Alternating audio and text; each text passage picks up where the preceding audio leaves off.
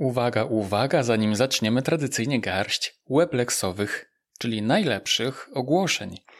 Jak zapewne wiesz, już otwarte są zapisy na cykl kilkudziesięciu lekcji na temat rozwoju i promocji kancelarii prawnej. Lekcje są, uwaga, całkowicie bezpłatne. Przychodzą do Ciebie mailem raz w tygodniu, nie są długie. Lektura każdej z nich zabierze Ci raptem 10 minut maksymalnie.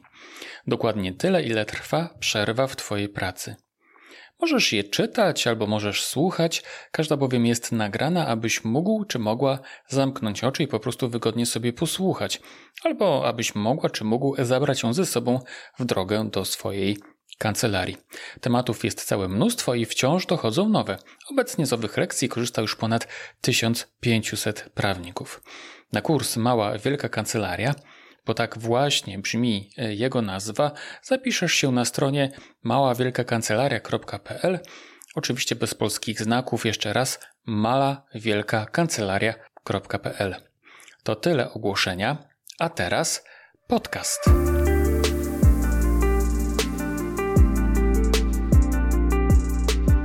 To jest 78. odcinek podcastu w drodze do kancelarii, w którym rozmawiam z doświadczonymi prawnikami, którzy niejedną wiosnę w todze mają już za sobą. Witam Cię serdecznie, mówi jak zawsze Rafał Chmielewski. Tematem wiodącym tego odcinka podcastu są pieniądze. To temat zawsze gorący i zawsze wywołujący emocje którego w zasadzie oficjalnie się nie porusza, ale który żyje w naszej branży w pewnym sensie podskórnie. Honoraria prawnicze to temat, który jest w stanie zdominować każdą dyskusję na każdym spotkaniu, skutecznie demolując jego agendę. Dobrze o tym wiemy. Tylko nieco mniej emocjonalne są zagadnienia podatków w kancelarii oraz to, czy prawnik może zgodnie z etyką prowadzić konto na TikToku. Dziś zatem będzie o pieniądzach, ale od strony bardziej racjonalnej i metodycznej. O tym, jak prawidłowo wyceniać swoje usługi. Zaprosiłem bowiem do dzisiejszej rozmowy autorkę bestsellerowego poradnika pod tytułem Wycena usług prawnych, adwokata panią mecenas Joannę Lubecką. Na poradnik mecenas Lubeckiej przypadkowo natknąłem się na Instagramie. Nie zastanawiając się zbyt długo, kupiłem go i zabrałem się od razu za lekturę. I prawdę mówiąc, już od pierwszych stron wiedziałem, że powinienem jego autorkę zaprosić na rozmowę, aby dowiedzieć się nieco więcej o wycenie usług w kancelarii prawnej. Pewne tezy bowiem wydały mi się dyskusyjne i chciałem poznać punkt widzenia autorki. Wszystkiego zresztą dowiecie się za chwilę. Jednak nie byłbym sobą, gdybym nie pociągnął rozmowy w innych interesujących mnie kierunkach. Zatem obok tematu wyceny usług prawnych poruszyliśmy jeszcze m.in. kwestie promocji kancelarii, specjalizacji obsługi klienta i komunikacji z klientem, który to aspekt obsługi klienta oboje z Joanną Lubecką uważamy za jeden z ważniejszych w szerokim zakresie promocji kancelarii prawnej. Jestem pewien, że uwagi i doświadczenia mojej rozmówczyni będą dla Ciebie pomocne w prowadzeniu i rozwoju Twojej własnej kancelarii. A poradnik Wycena usług prawnych znajdziesz w prosty sposób za pomocą każdej wyszukiwarki. Zanim zaczniemy, dodam oczywiście, że podcast w drodze do kancelarii jest z dumą i radością wspierany przez wspaniały Weblex Bookkeeping, oferujący najwygodniejszą księgowość prawniczą na tej pięknej ziemi. Ofertę księgowości dla kancelarii prawnej znajdziesz w prosty sposób na stronie najwygodniejsza księgowość prawnicza.pl. Oczywiście bez polskich znaków, jeszcze raz najwygodniejsza księgowość prawnicza.pl. Panie i panowie, mecenas Joanna Lubecka.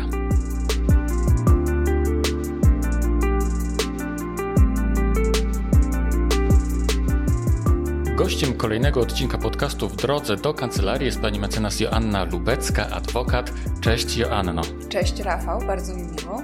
Mnie również. E, zacznijmy z grubej rury. Powiedz, dlaczego źle jest wyceniać źle swoje usługi? O, jak zdecydowanie zaczęliśmy. E, Rafał, wydaje mi się, że podstawowym problemem jest to, e, że w tej sytuacji możemy napchać sobie kieszenie sprawami, których nie jesteśmy w stanie przerobić przy stopniu uwagi, jakie te sprawy po prostu wymagają.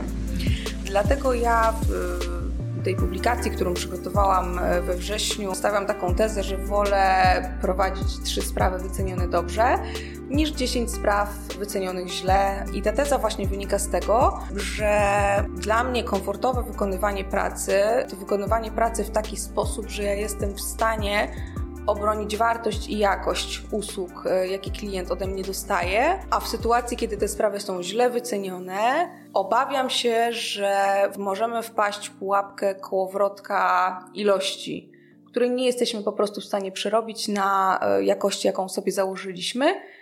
Oczywiście przy założeniu, że kryterium tego, co robimy, jest jakość, a u mnie tak jest, więc tak mm -hmm, uważam. Mm -hmm. Ale słuchaj, to właśnie bardzo często się tak zdarza, tak, że prawnicy, znaczy niektórzy narzekają na to, że mają mało klientów, a niektórzy narzekają na efekt przeciwny, czyli -hmm. że mhm. mają zbyt dużo klientów, tak? Mhm. I według ciebie prawidłowa wycena usługi prawnej, ona eliminuje ten efekt, że masz klęskę urodzaju, w sensie, że masz tylu klientów, że po prostu nie jesteś w stanie tego usłużyć, w związku z tym spada ci jakość obsługi, usługi i tak dalej. Wiesz co, tu trochę zahaczamy jakby w tym pytaniu o filozofię pracy. Wydaje mi się, że przy takich skokach wzrostowych, które następują naturalnie w rozwoju kancelarii, są momenty, kiedy ten kołowrotek zaczyna się kręcić trochę dla nas za szybko. I wydaje mi się, że to jest moment, w którym kancelaria czy jej właściciel powinni zacząć myśleć poważnie o tym, żeby rozszerzyć po prostu zakres personelu. E, I dla mnie to jest sygnał do tego, że powinnam zacząć o tym myśleć. Kiedy przez dłuższy czas utrzymuje się już taki stan, kiedy mam problem czasowy z obsłużeniem ilości pracy na jakości, jaką zakładam, która jest priorytetem, to wiem, że to jest sygnał, że powinnam po prostu rozszerzyć zespół. I wydaje mi się, że w ten sposób, w ten sposób można, e, można się kierować przy tym rozwoju. Mhm. Ale to, wiesz, troszkę porozmawialiśmy też przed i myślę, że to, to, już, to już na swój temat powiedziałam, że ja jestem bardzo sceptyczna, jeśli chodzi o mówienie innym, jak mają rozwijać swoje biznesy, bo ja wiem, że są kancelarie, które operują e, kryterium ilościowym jako podstawowym. Mi to nie odpowiada, to nie jest jakby moje kryterium. A krytykować tego podejścia nie będę, tak mówiąc zupełnie szczerze, głównie dlatego, że mi się po prostu nie chce zastanawiać nad tym, dlaczego nie lubię takiego podejścia. Mi na tej jakości bardzo zależy i to jest mhm. moje podstawowe kryterium. Ale wiem, że są kancelarie, które, dla których ilość jest istotna i dla których są istotne różne inne kryteria. U mnie ta mhm. jakość jest wyróżnikiem a wyróżnika swojego i czegoś, co, co powoduje, że jesteśmy choć odrobinę inni od innych, trzeba pilnować mocno, więc ja tego swojego core pilnuję, pilnuję mhm. bardzo. Mhm. To mi się spodobało to porównanie do kołowrotka, że ten mhm. kołowrotek zaczyna się coraz szybciej kręcić. No dobrze. Joanna, nie zadałem Ci tego pytania bez powodu. Jesteś bowiem autorką e, już dzisiaj dosyć znanego, czy nawet bardzo znanego poradnika na temat wyceny usług prawnych.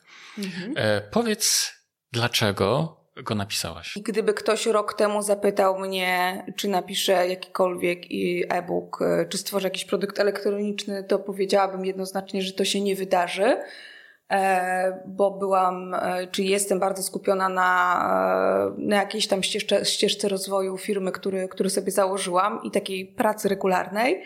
Natomiast na początku lipca e, ten pomysł przyszedł mi bardzo spontanicznie w związku z mm, moją aktywnością instagramową, e, kiedy opowiedziałam anegdotę o tym, jak e, w jak uprzejmy i w jak fajny sposób potencjalny klient odmówił skorzystania z moich usług ze względu na to, że kryterium cenowe było dla niego nie, nieakceptowalne, czyli moja wycena była po prostu zbyt wysoka.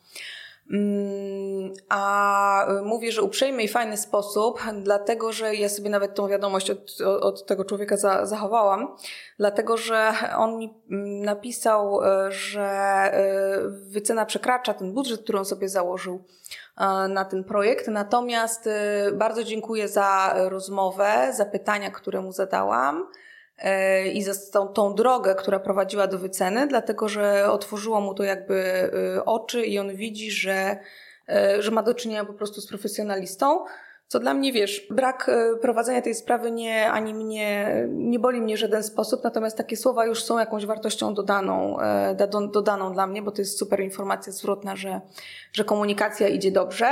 Oczywiście nie zawsze te komunikaty zwrotne są świetne, bo nie zawsze mamy, z różnymi ludźmi mamy do czynienia. Ale to był tak naprawdę, to był tak naprawdę początek.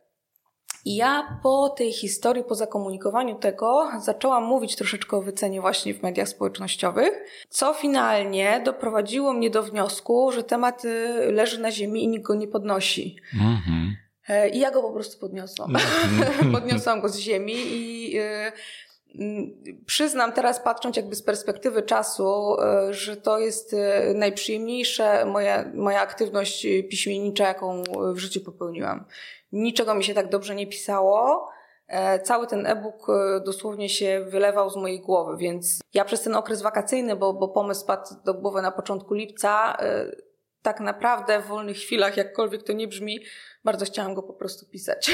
Więc szukałam wolnych chwil, żeby kontynuować. Poszło mi to bardzo naturalnie powiem szczerze, że chciałabym, życzyłabym sobie, żeby mój doktorat szedł tak naturalnie, a to, a to jakoś się tak nie wylewa z głowy. Czekaj, czekaj, czekaj. Właśnie zahaczyłaś ciekawy wątek. Powiedz w takim razie, e, rozumiem, że e, piszesz pracę doktorską, jesteś w trakcie. To jest bardzo, e, to jest bardzo jakby powiedzmy pozytywny, pozytywny opis tego, co, tego, co robię. No, Dobrze, a na jaki temat? Temat związany ze sprawami transgranicznymi, z postępowaniami transgranicznymi. Ale temat nie jest jeszcze oficjalnie zatwierdzony, stąd to moje mówienie o tym doktoracie to jest raczej bardziej, że no tak robię to, przesuwam to, przesuwam ten temat w czasie. Przesuwam Czyli jesteś na początku doktoratu. Jestem zupełnie na początku. No. Okej. Okay. Mhm. A wracając do sprawy tego klienta, mhm. który stwierdził, że w jego budżecie nie mieści się kwota, którą mu zaproponowałaś. E, opowiedział, że jesteś profesjonalistką, tak? Bardzo dobrze e, cię ocenił. E, czy on do ciebie już wrócił, czy jeszcze nie? Nie, nie wrócił do mnie, ale mm, dopuszczam możliwość, wiesz to, że wróci, bo tak statystycznie patrząc wstecz, takie odmowy ze względu na cenę po wycieczce, po kilku innych podmiotach ostatecznie kończyły się, kończyły się u mnie co najmniej kilka razy. Natomiast nie zawsze, czasami klienci po prostu nie wracają. Być może trafił do miejsca, które go usatysfakcjonowało, i, super, jeśli tak było i, i, mam nadzieję, że tak było, a jak nie, to, to, to mówię, jestem, jestem dostępna. Dobrze, porozmawiamy sobie na temat wyceny jeszcze trochę później, bo to jest mhm. główny temat e, naszej e, rozmowy. Ale powiedz wcześniej, Joanno, gdzie prowadzisz swoją kancelarię? E, kancelarię prowadzę w Poznaniu. E, od początku, wiesz co, rozwoju e, firmy prowadziłam ją trochę w dwóch miejscach, bo, bo miałam też oddział w Zielonej Górze, z którego całkiem niedawno zrezygnowałam. Fizycznie nie było już to po prostu dla mnie konieczne. Mimo wszystko moja praca w bardzo dużej mierze ostatnio jest taką pracą zdalną, choć utrzymywanie biura fizycznego dla mnie jest też istotne i to biuro fizyczne jakby muszę mieć, bo, bo z klientami również się spotykam, ale obecnie działamy w Poznaniu, tu gdzie sobie obecnie się znajdujemy. Mhm. Podcast w drodze do kancelarii jest podcastem, w którym rozmawiam z prawnikami, którzy nie jedną wiosnę w todze mają już za sobą. A ile wiosen ty masz za sobą, powiedz? E, to jest takie pytanie, w przypadku którego. E, znaczy, przepraszam, właśnie... ile wiosen w todze ty masz za sobą? Nie wiem, czy powiedziałem, ile wiosen ty masz za sobą, czy ile wiosen w todze wiosen ty masz za sobą? Wiosen w todze. Wiosen w todze mam różnica, no? prawie pięć z moich obliczeń, z moich skrupulatnych obliczeń wynika. Nie, więcej, siedem. Siedem, tak, siedem. Mhm. A, a swoją działalność y, przez niemal pięć lat już prowadzę taką e, prywatną. Nie od razu po egzaminie nie rozpoczęłam e, prowadzenia własnej kancelarii, bo też nie chciałam od razu mhm. iść na mhm. swoje. Kiedyś mhm. w ogóle nie chciałam iść na swoje. Mhm. I tak się wszystko pozmieniało, że teraz jesteś na swoim i to jeszcze z sukcesami. A powiedz mi, studia gdzie kończyłaś? Poznaniu. Poznaniu. I tutaj również aplikacja. I tutaj również aplikacja, tak. Jestem nierozłącznie związana z Poznaniem. Dodam, że dzisiaj jest 31 października 2022 roku, a gościnią tego odcinka podcastu jest pani Joanna Lubecka, adwokatka. Czy wolisz adwokat, czy adwokatka? Wiesz co, to jest bardzo trudna rozmowa o feminitatywach. Nie wiem, czy jestem najlepszym gościem. Ja osobiście wolę, wolę adwokat. E, ale też nie zapraszam wszystkich do dyskutowania ze mną na ten temat. ja wolę adwokat. Zatem e, pani Joanna Lubecka, adwokat z Wielkopolskiego Poznania. Dlaczego, Joanno, według Ciebie ważne jest dobre albo raczej właściwe wycenianie swoich usług? Poza takimi argumentami podstawowymi związanymi z tym i trochę oczywistymi, związanymi z tym, że wykonujemy pracę w warunkach komfortowych, bo e, wiemy, że godziny naszej pracy e, są uwzględnione w wycenie, że nasza wycena uwzględnia tą czasochłonność, e, że ktoś po prostu za tą pracę zapłaci. To są takie kwestie dosyć podstawowe, ale myślę, że mm, przez prawników wielokrotnie ignorowane, co prowadzi do tej niepotrzebnej frustracji związanej z efektem pracowałem 5 godzin, a sprzedałem jedną godzinę. To dla mnie bardzo istotne i, i to może podkreślę, bo to nie jest takie oczywiste, jest to, że dobra wycena buduje właśnie tą pozycję profesjonalisty. I e, proces wyceny buduje w oczach klienta relację z klientem, która ma szansę stać się relacją długofalową. Takie są moje doświadczenia. Więc poza takim argumentem czysto ekonomicznym, związanym z tym, że dobra wycena służy temu, żebyśmy z pracy byli zadowoleni, odczuwali sens tej pracy i, e, i mówię, zapomnieli o frustracji, e, to, to dla mnie istotne jest właśnie to, że ja, ja tak naprawdę tą wyceną realizuję bardzo dużą część procesu sprzedażowego w ramach swojego, swojego biznesu prawnego. Dlatego na nią tak zwracam uwagę i, i dlatego godzę się z tym, że ona czasami zajmuje dużo czasu. Bo u mnie to po prostu dobrze pracuje i, e, nie walczę z tym. A jeśli mówisz, że to zajmuje dużo czasu, to znaczy ile czasu? Wiesz co, no właśnie ile czasu. Ja tak te, teraz nawet e, w ramach tego efektu popularyzowania tego e-booka zaczynam dostawać takie pytania o to, czy ja może bym przygotowała jakąś pozycję, która by określała widełki cenowe i tak dalej. I wtedy wiem, że ktoś tej książki nie czytał. E, mm, jeśli chodzi o czas, wiesz co, to nie jest tak, że wycena każdego projektu zajmuje dużo czasu, bo są klienci, którzy przychodzą do nas po jednorazowe porady. Ja rzeczywiście mam mało takich, e, takich jednorazowych porad, e, więc jednorazowe porady to, to nie jest coś, co zajmuje dużą ilość czasu. Natomiast e, ja miewam tygodnie w pracy, w których spędzam tylko i wyłącznie na wycenie dwóch czy trzech spraw. Y, I potrafię no, cały tydzień w, w miesiącu poświęcić tylko i wyłącznie jakby na wycenę. Oczywiście robię też inne rzeczy, ale y, jakbym miała tak skalować i, i, powiedzieć jakby ile to, ile to czasu może zająć i z czego to wynika. To wynika trochę ze specyfiki tego, co ja robię. Y, ja nie mam, wiesz co, tak dużej ilości bardzo powtarzalnych spraw, pod względem tego, co ja muszę uwzględnić i przemyśleć, żeby to klientowi rzetelnie wycenić. Większa, większa część e, tego, co ja robię, to są takie umowy gospodarcze, umowy o współpracy, które zakładają to, że ja muszę się trochę wgryźć w biznes klienta. Mhm. A żeby się ten biznes wgryźć, to muszę z nim porozmawiać. Mhm. Muszę zrozumieć, jakie są problemy, muszę wiedzieć, gdzie praktyka te problemy identyfikowała u danego klienta i zwykle ta rozmowa, to zadawanie pytań, które nie zawsze ma e, formę e, takiego spotkania osobistego, czasami to też robimy mailowo, to to potrafi po prostu zająć, e, mhm. zająć jakąś większą ilość czasu, bo ja chcę wiedzieć, siadając do projektu, chcę już wiedzieć, co my robimy. To znaczy, muszę mieć taką sytuację, w której wycena jest zaakceptowana, a ja mogę tak naprawdę rozpoczynać pracę, a nie rozpoczynać proces pytania klienta. Mhm. Więc nie jestem w stanie Ci, wiesz, powiedzieć, ile to może zająć, bo to zajmuje bardzo różną ilość czasu, w zależności od tego, czego klient po prostu chce, potrzebuje, jaką ma filozofię mhm. a, i, i, jak długo nam ta rozmowa wstępna po prostu mhm. zajmie, nie? Mhm. Ja, no ale zobacz, ktoś może pomyśleć sobie, hmm, przez tydzień wyceniasz swoją usługę, jakiś mhm. projekt, który masz do realizacji e, i w zasadzie to jest tydzień stracony. Ja to rozumiem. Oczywiście można mieć taką optykę i ja jakby nie bronię komukolwiek tej, tej, tej optyki czy przyjmowania takiej optyki. No. E, natomiast e, no, u mnie to dobrze pracuje, mam dobre efekty, poobserwowałam sobie to, więc ja bardzo dużo swoich doświadczeń i wniosków opieram na takim empirycznym doświadczeniu.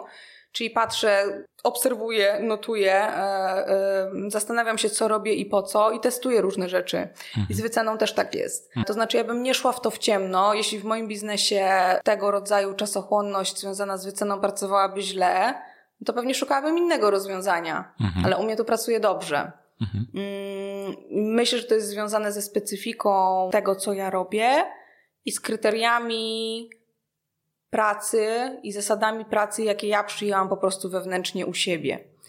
I, I też wiesz, to też nie jest tak, że ja się zamykam w jaskini na tydzień mnie nie ma i, i, ja wyceniam. Ja jestem normalnie pod mailem, wiesz, jak możesz sobie wyobrazić, jak wygląda dzień prawnika, telefony, maile, bieżące sprawy, zatwierdzanie, koncepcje, decyzje, to wszystko się jakby dzieje. Natomiast ja nie przygotowuję wycen na takiej zasadzie, że otrzymuję zapytanie i dwie godziny później, byleby to do mnie przyszło, po prostu robię pstryk i, i jest wycena. Mhm. I też wiesz, to też nie jest tak, że, że pojedyncza sprawa zajmuje mi tydzień, ale ze, ze zdarza się po prostu tak, że cały tydzień jest e, zdominowany przez kwestię wyceny, nie wiem, dwóch, trzech projektów takie dwa dni, powiem Ci, na taki zło, złożony, złożony projekt to jest tak, tak, taka uśredniona ilość, e, ilość czasu, którą, którą myślę, że mogłabym, mhm. mogłabym powiedzieć, że to coś takiego w tym jest. Mhm. Ja myślę, że warto dodać, że um, Twoje usługi są, e, mają charakter typowo projektowy, w sensie takim, że każda jest inna. Mhm. Są różnice. E, nie świadczysz usług jednolitych, jednorodnych, tak? tak? Z tego samego gatunku, rodzaju i tak dalej. W związku z tym i tak za każdym razem musisz się zastanowić. Tak w jakiś, ile czasu poświęcisz na to, ile to będzie wymagało ciebie pracy, kosztów, nakładów i tak dalej. Dokładnie nie? tak. Dokładnie no, tak. To, to, jest, to jest bardzo ważne. Dobrze, a mm, dlaczego lepiej jest wycenić dobrze trzy usługi niż dziesięć źle? O tym już wspomniałam troszeczkę na początku i, i dla mnie jest to właśnie kwestia tego, żeby nie popaść, nie popaść w kołowrotek i nie udusić się po prostu ilością spraw, których nie jesteśmy w stanie e, przerobić, ze względu na to, że je źle wyceniliśmy po prostu na starcie.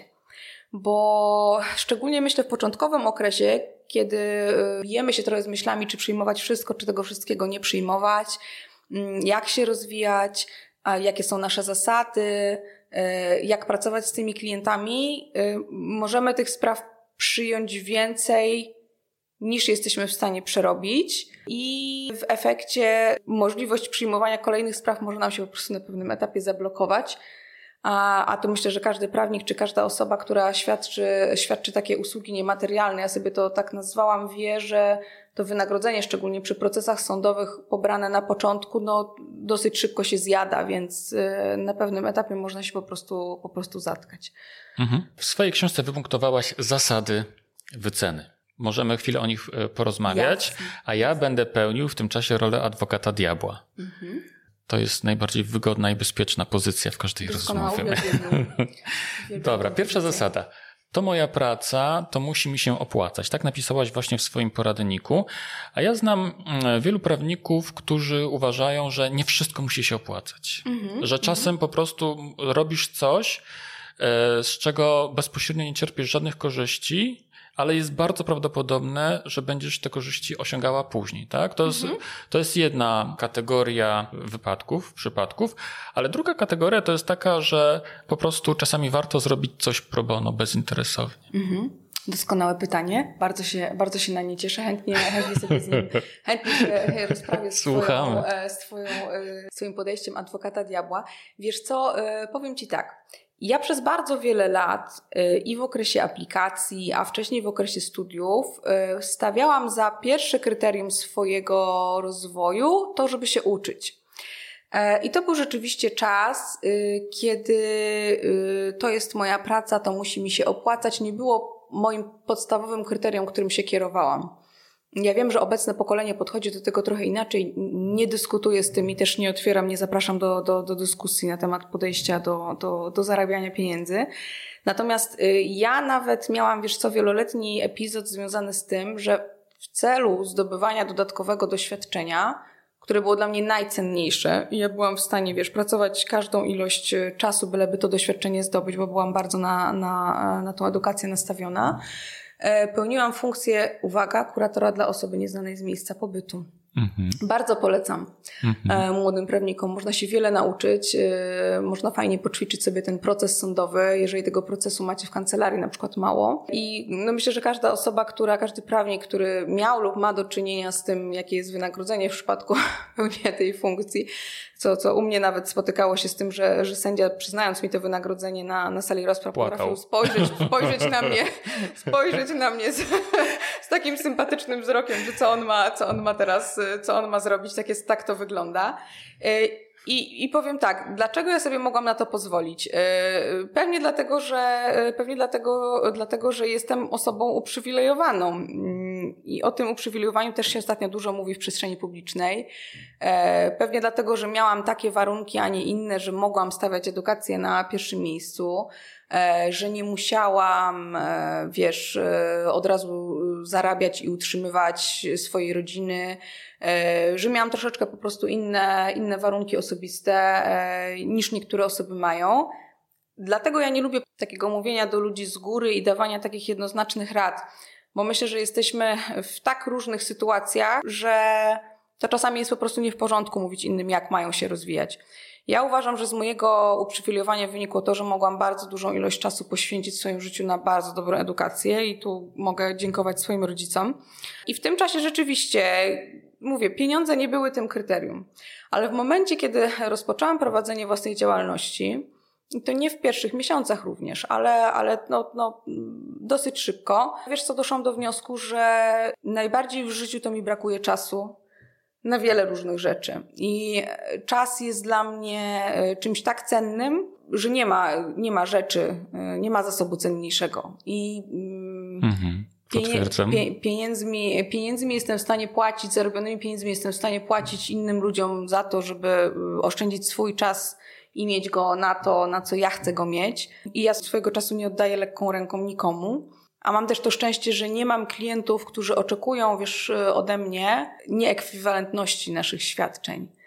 I powiem Ci, że wiem o czym mówisz, mówiąc, że czasami robimy coś, bo może coś tam w przyszłości e, z czegoś wyniknie. Tylko wiesz, kiedy ja kupuję od innych ludzi usługi, nie oczekuję nigdy tego, że y, nie pobiorą za te usługi ode mnie wynagrodzenia, bo ja coś im tam w przyszłości. Nie lubię tego nastawienia. Mhm. I, to jest, I to jest moje zdanie. Choć mówię, wiem o czym mówisz i wiem, że czasami niektóre rzeczy się robi na zasadzie inwestycji osobistej i pewnie jakby wiesz, prześwietlić to, co ja robię i z każdej strony poobracać każdą moją relację z klientem, to ja też pewnie nie jestem taka, że, że jestem bardzo stricte przy, przywiązana do tej zasady w tym znaczeniu, że, że wiesz, nie robię, nie robię dla swoich stałych klientów czasami takich rzeczy, yy, które można potraktować jako jakąś drobną przysługę. Natomiast to, czego na pewno nie robię, to yy, nie oddaję swoich usług właśnie tak nieekwiwalentnie. I mam, mówię, ogromne szczęście, że nie pracuję z ludźmi, którzy tego oczekują, bo yy, nie lubię tego podejścia, nie lubię, jak jest względem mnie stosowany. Ze względu też właśnie na to, że ja nie stosuję go w stosunku do innych osób i mówię, ja jestem taką osobą, która płaci faktury, wiesz, w pierwszym terminie i e, znaczy w pierwszym terminie, w pierwszym dniu, jakie dostanie najczęściej i to jest moje podejście. Natomiast rozumiem, e, że e, niektóre biznesy mogą się nawet rozwijać właśnie w oparciu o to, że na starcie zrobi się coś, co jest na przykład sprawą medialną i tak dalej, i tak dalej, ale ja też mam doświadczenie z, mm, ze sprawami, które mogę, mogę powiedzieć, że są medialne i to są sprawy w pełni opłacone. Nie mhm. kłóci się to, nie kłóci się to dla mnie. Mhm. Mm, a myślę, że za usługi trzeba po prostu y, płacić, więc mhm. mam szczęście do takich klientów, którzy wiesz, nie oczekują ode mnie e, za polecenie zrobienia, zrobienia, zrobienia czegoś, e, y, czegoś po prostu za darmo. A jeśli chodzi o pro bono, wiesz co, to tylko króciutko ci powiem, że no, to jest, to jest moja zasada, że ja y, tych usług pro bono w ramach pracy swojej nie świadczę, bo nie chcę łączyć tych płaszczyzn. Y, jak będę chciała y, zrobić coś pro bono, to to zrobię w czasie, który poświęcę na to, żeby zrobić coś po prostu dla kogoś i to nie musi być moja praca. Moja praca to moja praca i jest mi do czegoś potrzebna po prostu, dlatego ją wykonuję. Druga zasada, mhm. nie negocjuję stawek. Tak. No bardzo często właśnie jest tak, bo ty współpracujesz z przedsiębiorcami mhm. i z reguły oni są nawet przyzwyczajeni do tego, żeby właśnie negocjować stawki kontraktów, umów i tak dalej, no nie? Mhm. A ty nie negocjujesz stawek. Mhm. Tak. E... Za, za, to mi się, wiesz co, chyba, to jest chyba e, taka zasada, która powoduje najwięcej no ale w odzewie e, na, e, na książkę. I jakby ja tu też na starcie jakby może, może powinna powiedzieć, że najfajniej jest mieć własne zasady. E, ja mam swoje, ale y, słuchacze też mogą mieć swoje i, i, powinni mieć swoje, nie trzeba przyjmować moich zasad. I ja nie negocjuję. Umiem to obronić, moim zdaniem bardzo sensownie, dlaczego nie negocjuję. Mm, a nie negocjuję dlatego, że ja bym się czuła względem moich klientów e, nieuczciwie, gdybym rozpoczęła proces negocjacji. To znaczy, dla mnie sytuacja, w której ja mówię, że po przemyśleniu tematu, po omówieniu go, po uwzględnieniu różnych czynników, ja dochodzę do wniosku, że moja praca powinna kosztować tyle, ale na komunikat zwrotny od klienta, że a może byśmy coś ciachnęli, zaczynam to obniżać, czułabym się wysoce niekomfortowo. nie byłabym w stanie, wiesz, przerobić tego wewnętrznie. To, co ja zrobiłam, to, co ja tak naprawdę wyceniłam, skoro ja jestem w stanie z tego zejść. Mhm. Mm, nie wiem, czy rozumiesz, o co mi chodzi. Tak, tak. Wyceniłam to uczciwie i rzetelnie. To, co ja próbowałam zrobić podczas tej pierwszej wyceny jeżeli jestem w stanie ją ciąć. Nie jestem w stanie i tak się czuję jakby dobrze. Natomiast to, że są przedsiębiorcy, którzy y, próbują negocjować stawki, zatrważająco powiem Ci niewielka ilość przypadków w przypadku mojej działalności, co myślę wynika ze sposobu komunikacji wyceny, to, to, y, który ja stosuję. Ale tak, jeden z moich stałych klientów na starcie, który wcale wydawało mi się, że po tej rozmowie o wycenie nie będzie tym stałym klientem, a pracujemy od początku. Mhm właśnie zakomunikował mi, że no on ma taką zasadę, że no po otrzymaniu wyceny, że no on negocjuje. Ja powiedziałam, że zwrotnie, że to naprawdę bardzo fajnie, ja tą zasadę bardzo szanuję, ale ja z kolei mam taką zasadę, że ja nie negocjuję. On się wtedy rzeczywiście też roześmiał, tak jak ty, y, i, i było to dla niego zrozumiałe. I wiesz, nie chcę jakby czarować, że każdy klient taki będzie, bo on, on zareagował w taki sposób, że aha, jeżeli tutaj mówimy o zasadach, no to, to on rozumie, to on rozumie, ja mam po prostu taką zasadę. E, I nie każdy taki będzie. I spotkamy się z ludźmi, którzy będą czasami nieprzyjemni i, e, i też będzie trzeba sobie jakoś z tym poradzić. Ja mam taką właśnie fajną anegdotę. Najczęściej mój sposób komunikacji wyceny, jeśli już ma się wiązać, e, nie, jeśli już to ma się wiązać z brakiem współpracy, to to nie jest y, u mnie, w moim przypadku, wiesz co, próba negocjacji, tylko po prostu rezygnacja z moich usług. Tak, tak bym powiedziała, że statystycznie mhm. E, ze mną się tych y, negocjacji nie podejmuje za często co też mnie cieszy, bo, bo nie chcę na to swojego czasu marnować, yy, ale po prostu rezygnuję się w sytuacji, kiedy, yy, kiedy okazuje się, że te usługi są, yy, są za drogie. Mhm. I mi to odpowiada, bo ja lubię proste rozwiązania, mhm. wiesz, i proste rozmowy. Mhm. Ale wiesz to jest ciekawe to, co powiedziałaś, a na co ja wcześniej nie zwróciłem uwagi, uwagi swojej, to jest to, że kiedy twój klient zaczyna z tobą negocjować cenę, tak? I ty byś się na to zgodziła, to znaczy, że ten czas poświęcony na analizę projektu, czasu i ta cała wycena, tak, ta pieczołowicie wykonana e, dokładnie wycena, to znaczyłoby, że to, to po prostu była strata czasu. Tak, no a wiesz kto mnie tego nauczył? Nauczył mnie tego mój stolarz. nauczył mnie tego mój stolarz, z którym wiele lat temu e, e podjęłam e, nie, Ale nie, za, próbę... nie zapłaciłaś mu za konsultację. Nie, ale powiem mu, że to on mnie tego nauczył. E, bardzo fajny człowiek. No. E, przygotował dla mnie taką większy, większą wycenę wykonania właśnie zabudowy meblowej i ona była duża i on to widział jakby po, po, po mojej twarzy, że ta, ta cena rzeczywiście była dość zabójcza. I ja rzeczywiście zadałam mu takie, wiesz, pytanie, którego teraz, o Jezu, aż, aż się wstydzę, ale, ale zadałam mu jakieś pytanie, czy my możemy coś z tą ceną zrobić. I on mi odpowiedział, że możemy. Możemy na przykład zrezygnować z jakiegoś modułu danego mebla. I wtedy sobie uświadomiłam, wiesz co, jakie to jest proste to właśnie na tym polega. Jak mam mhm. zrobić to, co mam zrobić, to zrobię to za te pieniądze, mhm. które określiłem, określiłam. Mhm. Jak mam zrobić coś innego, to zrobię to za inne pieniądze. Bardzo mi się to spodobało. Zupełnie nieświadomie, znaczy wiesz, mówię, że nauczył mnie tego mój stolarz, ale przypomniałam sobie tą anegdotę, że to, mnie, to mi bardzo dało do myślenia e, w tematach związanych z wyceną. Myślę, że od usług materialnych wiele możemy się nauczyć. Od, od wyceniaczy usług materialnych możemy się wiele nauczyć. E, tak, zdecydowanie. Wiesz co, mi się taka historia tutaj przypomniała, bo takie lekcje życiowe możemy zewsząd czerpać takich lekcji, nie? Wystarczy tylko być uważnym. E, ja kiedyś jechałem w Warszawie autobusem, autobus był strasznie zatłuczony i przy mnie stanęło dwóch takich no, takich pijaczków bym powiedział, nie? Jeden z nich e, zaczął mnie po prostu zaczepiać. Zadawał mi mhm. najróżniejsze pytania, a ja się dałem w tę rozmowę tak trochę, wiesz, wciągnąć. Nie? Na początku nie było mi w smak, ale w końcu zacząłem reagować na te pytania. I ten drugi pijaczek do tamtego mówi tego swojego kolegi, ty, no zostaw pana, widzisz, że on tutaj sobie spokojnie stoi, a ty go mhm. zaczepiasz i mu przeszkadzasz. A tamten mówi, słuchaj, bo jak rozmawiam, to wiem, że żyje. O, o, Wiesz co, to po prostu to mnie, bo szczena mi opadła i pomyślałem sobie, wow, ten zatłoczony autobus był warty tej, znaczy to, to... tej filozofii. Właśnie. No dobrze, wróćmy do mhm. naszej rozmowy. Trzecia e, zasada z Twojego poradnika nie konkuruję ceną. Mhm. I tutaj nie będę już adwokatem diabła, bo się absolutnie z tym zgadzam, ale czy możesz jeszcze to w jakiś sposób skomentować? Tak, y, wiesz co, y, to co jest y, obecne na poziomie takiej obserwacji w środowisku prawników, chociaż ja też za dużo tam swoich oczu nie kieruję, więc to nie jest tak, że, że, że tak bardzo obserwuję, ale widzę, że często pokutuje takie nastawienie na zasadzie ktoś mi zagraża. Jak ja nie wezmę tej sprawy, to weźmie ją ktoś inny. I moje wewnętrzne nastawienie, szczerze mówiąc, jest takie, że absolutnie mnie to nie interesuje, że sprawę weźmie ktoś inny. Wręcz z uśmiechem cieszę się, że jeżeli ja nie jestem w stanie komuś pomóc, dlatego że kryteria, które ja zastosowałam, y, nie nadają się do tego, żebym zrobiła to, co uważam, trzeba zrobić y, y, i za ile to trzeba zrobić, to myślę, że fajnie, że klient jest w stanie znaleźć pomoc prawną wycenioną przez kogoś innego e, na takich warunkach, które jemu odpowiadają. I ja nie konkuruję ceną w tym sensie, że to nie jest dla mnie żadne kryterium, takie komunikaty od klienta, że inna kancelaria zrobi mu coś taniej, to ja na to zawsze mam tą samą reakcję, że to naprawdę fantastycznie i powiem Ci, że 70% klientów wycofuje się z komunikatu o istnieniu tej innej kancelarii, bo, bo, bo klienci też mają swoje techniki. Ja, ja szczerze mówiąc tej nie lubię e, i, i, i wiem, że jeżeli ktoś ją stosuje, to jest spore ryzyko, że nam się nie będzie pracowało rewelacyjnie, co nie znaczy, że źle.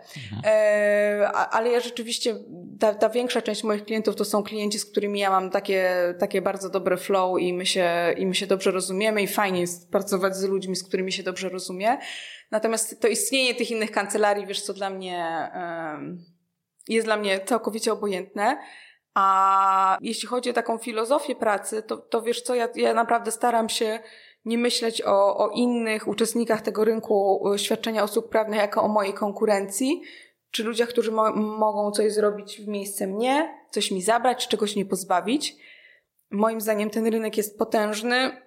Nie wydaje mi się, y, żeby te, te problemy związane z przesyceniem, ja nie widzę y, przejawów przesycenia rynku usług prawnych ilością prawników, mimo tego, że o tym się mówi. Nie widzę tego. Wydaje mi się, że przedsiębiorców jest y, ilość tak ogromna, że nas jest ciągle jakby w porządku. Wprawdzie nie śledzę tych danych, wiesz, ile tam prawników przypada na, na osobę w danym państwie, jak my tu statystycznie w Europie wypadamy, ale e, myślę, że jest miejsce na rynku dla każdego, a to wydaje mi się, że nawet napisałam w e-booku, jeżeli będziemy budować ten biznes na poczuciu zagrożenia, strachu i chęci wygrywania ceną z innymi kancelariami, obawiam się, że stawiamy zły fundament y, pod naszą firmą po prostu. Nie powinno to być no, podszyte strachem, e, strachem. Tak, mhm. tak, tak, absolutnie. Ja się z Tobą w 100% zgadzam, bo faktem jest, że kancelarie konkurują ceną. Mhm. Ale to wynika z tego właśnie, że nie wiedzą w jaki sposób promować swoje usługi, w jaki sposób mhm. je sprzedawać. Nie wiedzą też, tak jak Ty na przykład używasz jako, uważam, że jest to element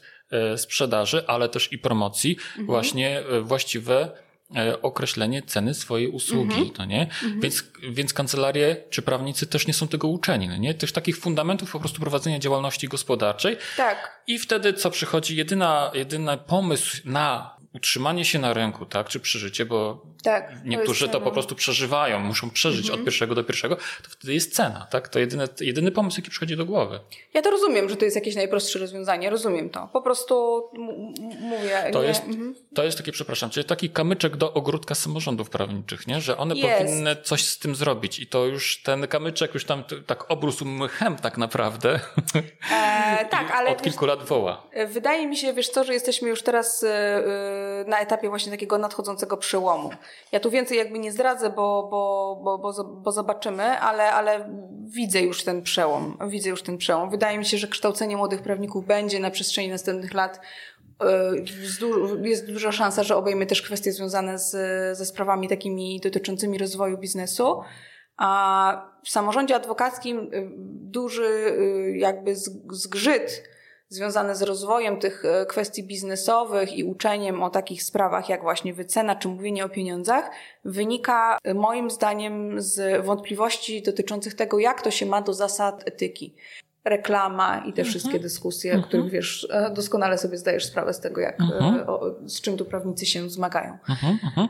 Wiesz co, to jest jeszcze taki, wydaje mi się, tak, taka, taka zaszłość, że adwokat to jest zawód z misją przede wszystkim, no nie? I mało uwagi się poświęca właśnie tym twardym elementom prowadzenia biznesu, a misja tak naprawdę jest jakby jakaś taka, czymś takim, e, znaczy, e, owszem, uważam, że misja jest bardzo ważna w każdej organizacji, natomiast jeżeli się mówi tylko po prostu misja, a się w żaden sposób nie tłumaczy, co to jest, w jaki sposób ją kształtować, w jaki sposób ona przekłada się na funkcjonowanie przedsiębiorstwa czy jakiejkolwiek innej organizacji, no to jest po prostu takie bajanie o, nie wiem, o żelaznym wilku tak naprawdę.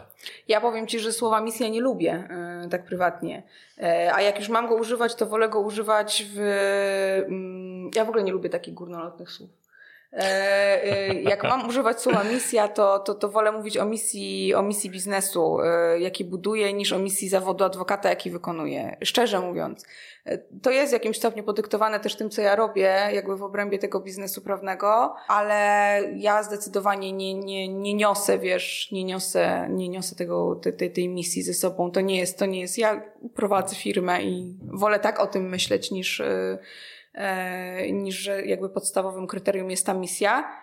Choć wielokrotnie jestem utożsamiana z jakąś misją, ale myślę, że to jest kwestia właśnie tego, tej filozofii pracy, o tym, od słowa filozofia jeszcze mnie nie, jeszcze mnie nie denerwuje, także tak, ale misja, ale misja tak, misja Wiesz jest co, trudna. to oczywiście jest kwestia nazewnictwa. Możemy tak. nazywać sobie to jak chcemy tak naprawdę, Jasne. no nie, ale bez wątpienia, nawet, nawet jeżeli nie myślisz kategoriami właśnie takimi, to myślę, że po prostu to w sobie masz. Mhm. Że chociaż, Podobno.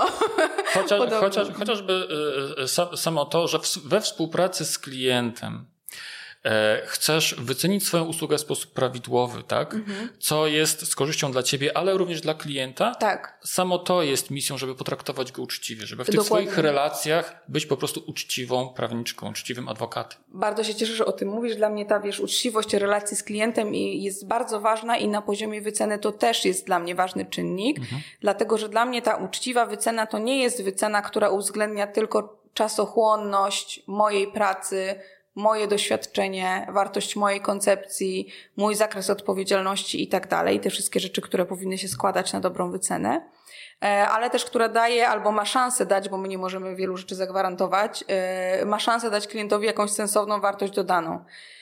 Ja nie wyceniam spraw, które nie mają szansy dać wartości dodanej i nie, nie podejmuję się. E, I, jawnie też jakby o tym mówię, że nie ze mhm. mną, ale mhm. można szukać, jasne. Więc ja nie jestem tym mecenasem, który, który będzie y, chętnie prowadził sprawę o cokolwiek, gdziekolwiek. Dobrze. E, Joanno, bardzo mi się podobało zdanie dotyczące właśnie konkurowania ceną. E, walka z konkurencją jako wytyczna podejmowanych działań jest po prostu niepotrzebna. Walka o wysoką jakość świadczonych usług i Twój własny profesjonalizm wręcz przeciwnie. W ten sposób wygrasz, nie podejmując w zasadzie żadnej walki z tak zwaną konkurencją. Mhm. To trochę już o tym porozmawialiśmy. E, dla mnie po prostu, wiesz, to skupianie się na tym, kto ci zagraża i dlaczego e, i, i w jaki sposób ja mogę e, wygryźć te osoby jest plasowaniem swojej uwagi w miejscu, w którym ona po prostu się spala i niczemu nie służy. Mhm. E, I tak bym to skwitowała, i tak bym to skwitowała, mhm. myślę. Mhm. To jest po prostu strata czasu. Strata czasu, dokładnie. Mhm. mhm. To lepiej się skupić, przynajmniej w mojej opinii, na obsłudze klienta, czy na albo na sobie. wycenie, dokładnie, czy... dokładnie. albo na sobie, tak? Albo na sobie. Dokładnie, ja wolę, ja naprawdę, pobiegać. dokładnie, ja wolę posiedzieć na kanapie i pomachać nóżką, niż, wiesz, niż, się, niż się zastanawiać, kto mi zagraża. No dobrze, jaki masz sposób na dokonanie prawidłowej wyceny? E, wspomniałaś w swoim poradniku o protokole wyceny. Cóż to takiego jest? Wiesz co, ja ten protokół i nazwę protokołu e, wymyśliłam na potrzeby e-booka. To nie jest tak, że od początku mojej działalności prawnej u mnie funkcjonuje jakiś taki wewnętrzny protokół, to znaczy, że tak to nazywałam. Ale jak zaczęłam pisać, e, pisać tę te, te, te książkę elektroniczną, to e, postanowiłam to jakoś usystematyzować, co ja robię. I nazwa, na którą wpadłam, to, to, to właśnie był ten protokół. E, I ja przyznam, że w, przy takich trudniejszych wycenach będę sobie go też e, stosowała mm, u siebie wewnętrznie. Ja to też już e, rozpropagowałam.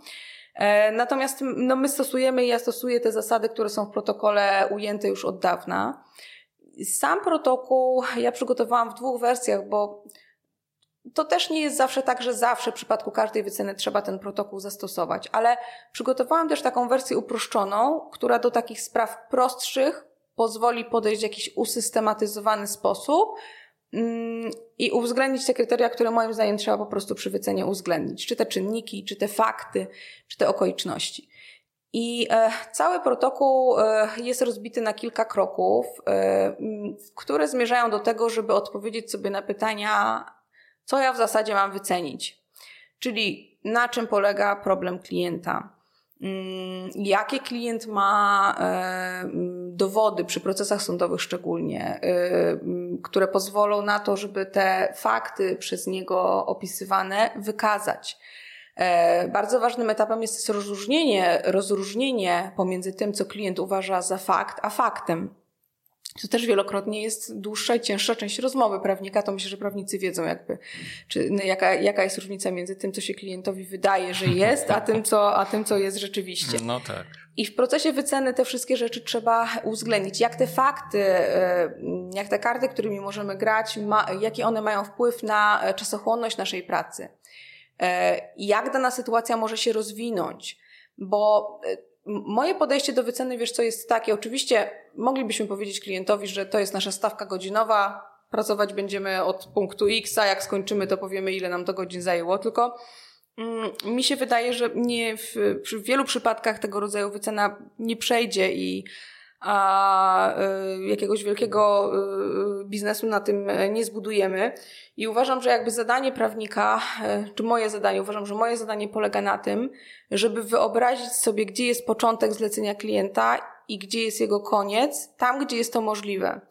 I dlatego te moje wyceny zajmują wielokrotnie, wielokrotnie więcej czasu, bo ja chcę, żeby klient wiedział, że ja przewiduję takie i takie warianty rozwoju sytuacji, i one będą miały wpływ na cenę. Mhm. I ja nie chcę o tym, wiesz, dyskutować w biegu. Yy, nie chcę potem w momencie, kiedy, wiesz, tego się nie uniknie. Są takie sytuacje, kiedy czasami rzeczywiście sytuacja zmieni się. Są sytuacje, kiedy sytuacja. Mhm. Są takie, są takie scenariusze, w których, yy, w których nie, nie da się przewidzieć yy, tego rozwoju. I wtedy rzeczywiście trzeba coś wyceniać w biegu. Ale w bardzo wielu przypadkach, jeśli poświęcimy czas i zastanowimy się, odwołamy do wcześniejszego doświadczenia e, albo po prostu e, odrobimy tą pracę domową, to widzimy te warianty. E, I ja się staram te warianty określać już też na poziomie tego, jaki to ma wpływ po prostu na, na koszt usługi. Mm, bo tego bym oczekiwała, gdybym to ja była klientem w przypadku innych usług. To znaczy, chciałabym wiedzieć, że jeśli sprawa się skomplikuje w tym kierunku, to powinnam zakładać taki i taki budżet to jest, y, wiesz, to, to daje taką fajną wartość, że tą relację z klientem masz ustawioną na y, mm, fajnej, uczciwej pozycji już na starcie.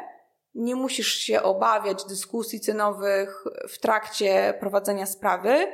Mm, nie musisz otwierać tej rozmowy i y, kształtuje to, wiesz co, taką właśnie, taką właśnie fajną relację, która ma szansę być długofalowa Poza tym to jest dobrym treningiem jakby przed e, unikaniem takich obaw związanych z rozmawianiem o pieniądzach z klientem, bo ja bardzo jawnie wykonuję te swoje usługi, właśnie mówię nie na zasadzie y, misji czy pro bono, tylko po prostu to jest moja praca, y, na której ja zarabiam, tak jak moi klienci zarabiają na swoich biznesach i chcę, żebyśmy klarownie mówili sobie po prostu o tym, jakie są koszty związane z, y, z tymi moimi usługami. I do tego służy ten protokół, żeby usystematyzować sobie kroki, które warto przejść w sytuacji wyceny bardziej złożonej sprawy. Myślę, że on się nadaje i do wyceny projektów biznesowych, i do wyceny y, spraw sądowych, ale i innego rodzaju usług świadczonych przez prawników. Ale przesłałam go też, jakby, czy przesyłamy go też y, y, nabywcom e-booka w formie edytowalnej, żeby tam można było sobie coś mhm. pokombinować i dostosować po prostu do, do tego, co robimy. Także to, to też to mhm. To mi podpowiedziano, żeby tak zrobić i tak zrobiłam. E, została nam jeszcze czwarta zasada wyceny. Mhm. To jest wyceniam rzetelnie albo wcale. I to trochę nawiązuje do tego, co powiedziałaś przed chwilą. Powiedz mi, Joanno, e, sprzeciwiasz się podawaniu widełek cenowych? Sprzeciwiam nie? się. Ale na pewno jest tak, że czasami w trakcie projektu wyskakuje coś nowego, jakiś trup w szafie, tak wypada, tak i nagle się okazuje, że wow, tutaj jeszcze jest coś. Mhm. Zdarzają się takie sytuacje, pomimo tego, że dokonałaś tak. e, wszelkiej staranności e, przy wycenie, nie zauważyłaś czegoś, zdarzają się takie rzeczy, czy? Wiesz co, zdarzają się takie rzeczy, tylko że moja wycena uwzględnia te trupy i dlatego ja nie mam z tym problemów. Bo ja, no. ja, każda moja wycena, w przypadku której coś jeszcze może się wydarzyć, to nie jest powiedzmy zamknięta konsultacja, której zakres jest, wiesz, znany od odcinka A do odcinka B. Każda moja wycena e, zawiera na końcu informację, że w przypadku zmiany tego zakresu zlecenia albo rozmowy musimy podjąć od nowa, ale w praktyce przyznam Ci, że ja najczęściej mówię, że te rzeczy, które nie zostały jakby uwzględnione na etapie pierwotnej wyceny i mogą wynikać ze zmiany stanu faktycznego, zmiany zakresu zapytania. Przy umowach, wiesz, zdarza się też tak, że klienci po prostu nagle przyjdzie im coś jeszcze do głowy, że jeszcze jednak coś tam by chcieli. Ja wskazuję, że te, tego rodzaju czynności będą rozliczane na podstawie stawki godzinowej kancelarii i, i tyle. Nie mam w związku z tym tych problemów, z tym mhm, problemów. Mhm, mhm. Ja po prostu tego trupa już wplatam w, wycenę wcześniej. E, w podcaście z Jackiem Stanisławskim e, wspomniałaś o tym, że mm, preferujesz stawki godzinowe, a nie ryczałtowe. Wiesz co, preferuję. Już, już wyjaśniam, na czym ta moja preferencja polega. No. Stawka godzinowa jest super fajna z tego względu, że ona w większości nie wymaga, nie wymaga po prostu czasu. Nie wymaga tego całego myślenia na temat wyceny. Projekty, które możemy robić na otwartej e, puli godzin, niewyczerpanej, e, są to dla prawnika, myślę, bardzo fajną e, sprawą, szczególnie przy, przy stałych obsługach z tego względu, że jest e, pewność co do tego, że jeżeli określiliśmy tą stawkę godzinową na poziomie prawidłowym mm, u nas wewnętrznie w kancelarii, to nasza praca po prostu zostanie, e, będzie, będzie wynagrodzona w sposób odpowiedni. A to, e, gdzie tą pracę domową trzeba odrobić i gdzie trzeba się trochę więcej napocić i trochę więcej namyśleć, to są właśnie ryczałty bo ryczałty wymagają od nas przewidzenia tego, jaki jest zakres pracy, który musimy wykonać. Dobrze to wiedzą firmy budowlane, jak trudno jest określić wynagrodzenie ryczałtowe i jak, jak łatwiej czasami pracować na kosztorysie. Więc, więc tak to wygląda. Natomiast e, ta stawka godzinowa też nie można idealizować, bo ona też potrafi prowadzić do frustracji. Jeśli jest tak, e, jeśli jest tak, są takie zlecenia, które wiesz, po prostu nie nadają się do tego, żeby je wyceniać stawką godzinową. E, I są to wycenie, wyceny i są to sprawy, w przypadku których na e, wartość tego, e, co my klientowi oferujemy, składają się różne złożone czynniki, między innymi wartość naszego wieloletniego doświadczenia i tego, że my szybciej jesteśmy w stanie rozwiązać niektóre problemy, właśnie dlatego, że e, to doświadczenie posiadamy. Więc to jest jakby jedna, jeden czynnik, że wykonaliśmy potężną drogę i potężną robotę, żeby to doświadczenie zdobyć. E, I tylko dlatego, że nasza odpowiedź jest stosunkowo krótka, rozliczanie jej, wiesz, na, na stawce godzinowej może być e, pomyłką i może prowadzić też do frustracji. Mhm. W związku z tym myślę, że trzeba przede wszystkim e, kierować się tym, co my w zasadzie wyceniamy. Stawka godzinowa też będzie czasami nieodpowiednia do wyceny projektów, porad, konsultacji dotyczących bardzo wysokich wartości przedmiotu sprawy, ja nie mówię o sporu, tylko po prostu sprawy, mhm. wartości transakcji, która wiąże się z zakresem naszej odpowiedzialności zawodowej i mhm. obowiązkowego OC. Więc ja lubię, ja kocham stawkę godzinową, e, bo każdy człowiek chyba naturalnie dąży do tego, żeby trochę sobie, e, trochę sobie odpuścić, a przy tej stawce godzinowej najprościej jest sobie, jest sobie trochę odpuścić, to całe zastanawianie się. Ale ona też nie zawsze będzie idealna. No ale klienci chyba często z góry chcą wiedzieć, ile zapłacą za coś tam, nie? Znaczy oni by woleli jednak stawkę ryczałtową. Klienci chcą wiedzieć, e, ile ich będzie kosztowało rozwiązanie ich problemu, załatwienie sprawy czy, czy, czy wykonanie projektu. Natomiast i dlatego uważam, że my powinniśmy, e, że my prawnicy powinniśmy tam, gdzie jest to możliwe, to, e, to te ryczałty rzeczywiście określać. Ale są takie sprawy, w przypadku których nie jesteś w stanie na starcie określić w żaden sposób tego, jak sytuacja się rozwinie. E, ja to nawiązuję do sporów korporacyjnych najczęściej, bo to, to, to, jest, to jest moje poletko też w jakimś stopniu i ja nie mogę powiedzieć, jak ten spór się rozwinie, bo na to ma wpływ tak wiele czynników, które są niezależne ode mnie, że siadanie i próba, wiesz, określenia scenariuszy może być pozbawiona sensu. W związku z tym najczęściej takie spory rzeczywiście obsługuję na stawce godzinowej, no bo, tak. bo nie wiem, bo nie mam, nie mam zielonego pojęcia. Tak, ja, myśl, ja myślę, że niektórzy klienci to też doskonale rozumieją. Nie? E, myślę, że większość klientów, wiesz, no. z biznesowymi klientami ja też uczciwie jakby powiem, że ja może na, że z biznesowymi klientami, przynajmniej z mojego doświadczenia, rozmowa o wycenie jest trochę łatwiejsza, z tego względu, że oni sami o pieniądzach rozmawiają ze swoimi kontrahentami i są do tego po prostu tak. przyzwyczajeni.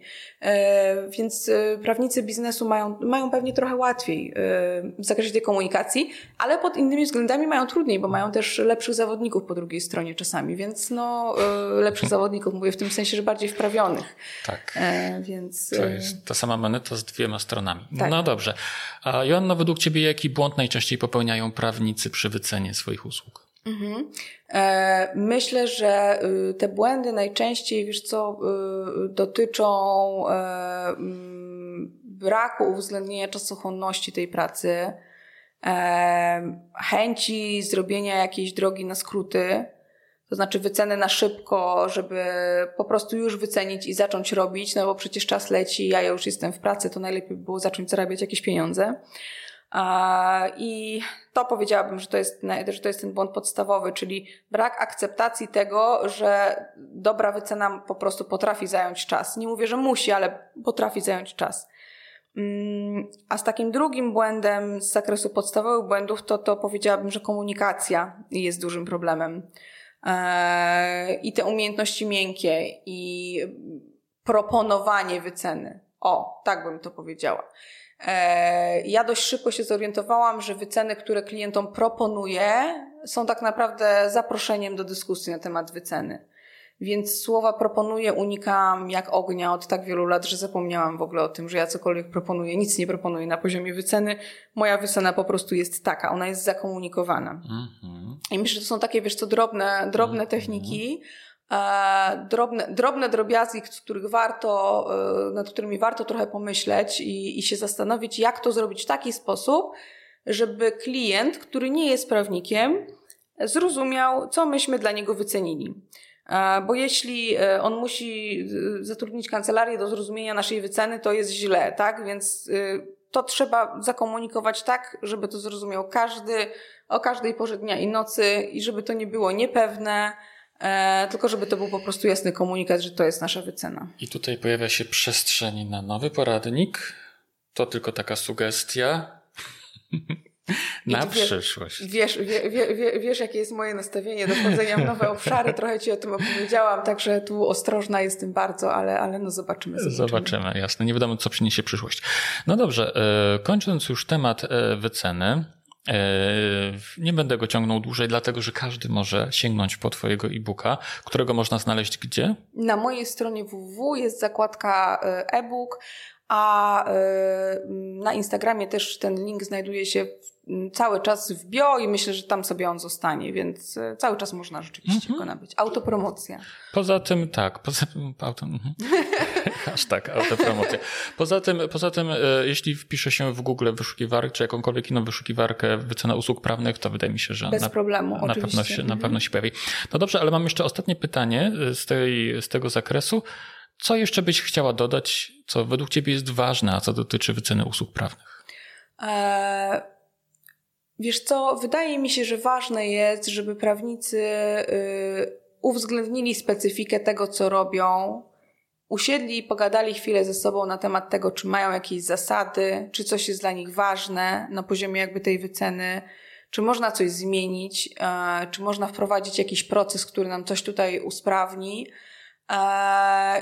I pożegnać się z takim nastawieniem, że y, jesteśmy coś winni z racji wykonywanego zawodu, tylko dlatego, że to my właśnie go wykonujemy. Dla mnie to jest praca jak praca i możemy ją wykonywać na zasadach takich jak inni mm, przedsiębiorcy. Mhm. Dobrze. E, schodząc już z tematu wyceny, E, jeśli ktoś chce dowiedzieć się więcej, no to i e-book, i podcasty, w których brałaś już tak. udział, tak? Fantastyczne doświadczenie. Fantastyczne. Bo i w podcaście w Legal Roomie i u Jacka Stani e, Stanisławskiego. Jacka Stanisławskiego, dokładnie, tam wiele na ten temat mówiłaś. Mhm. Ale nie mówiłaś tego, o czym porozmawiamy sobie teraz. Czyli mhm. o kancelarii twojej. W czym się specjalizujesz jako adwokat? Mhm. Wiesz co, y, ja specjalizuję się w obsłudze prawnej biznesu i, i sprawach transgranicznych. I o ile określenie tego w ten sposób brzmi jeszcze dosyć szeroko, ja tu pewnie będę komunikacyjnie jeszcze bardziej to zawężała. To główna część mojej aktywności zawodowej to, to jest praca z umowami, mm, z kontraktami, ze sporami korporacyjnymi, które mnie lubią. E, nie, nie chcę powiedzieć bez wzajemności, ale to nie jest tak, że to jest, że to jest jakiś ulubiony obszar mojej pracy, ale rzeczywiście mam mam tutaj spore doświadczenie i, e, i naturalnie mnie te spory trochę znajdują. I z taką normalną obsługą e, spraw biznesowych, które się e, w przypadku funkcjonowania każdej firmy pojawiają.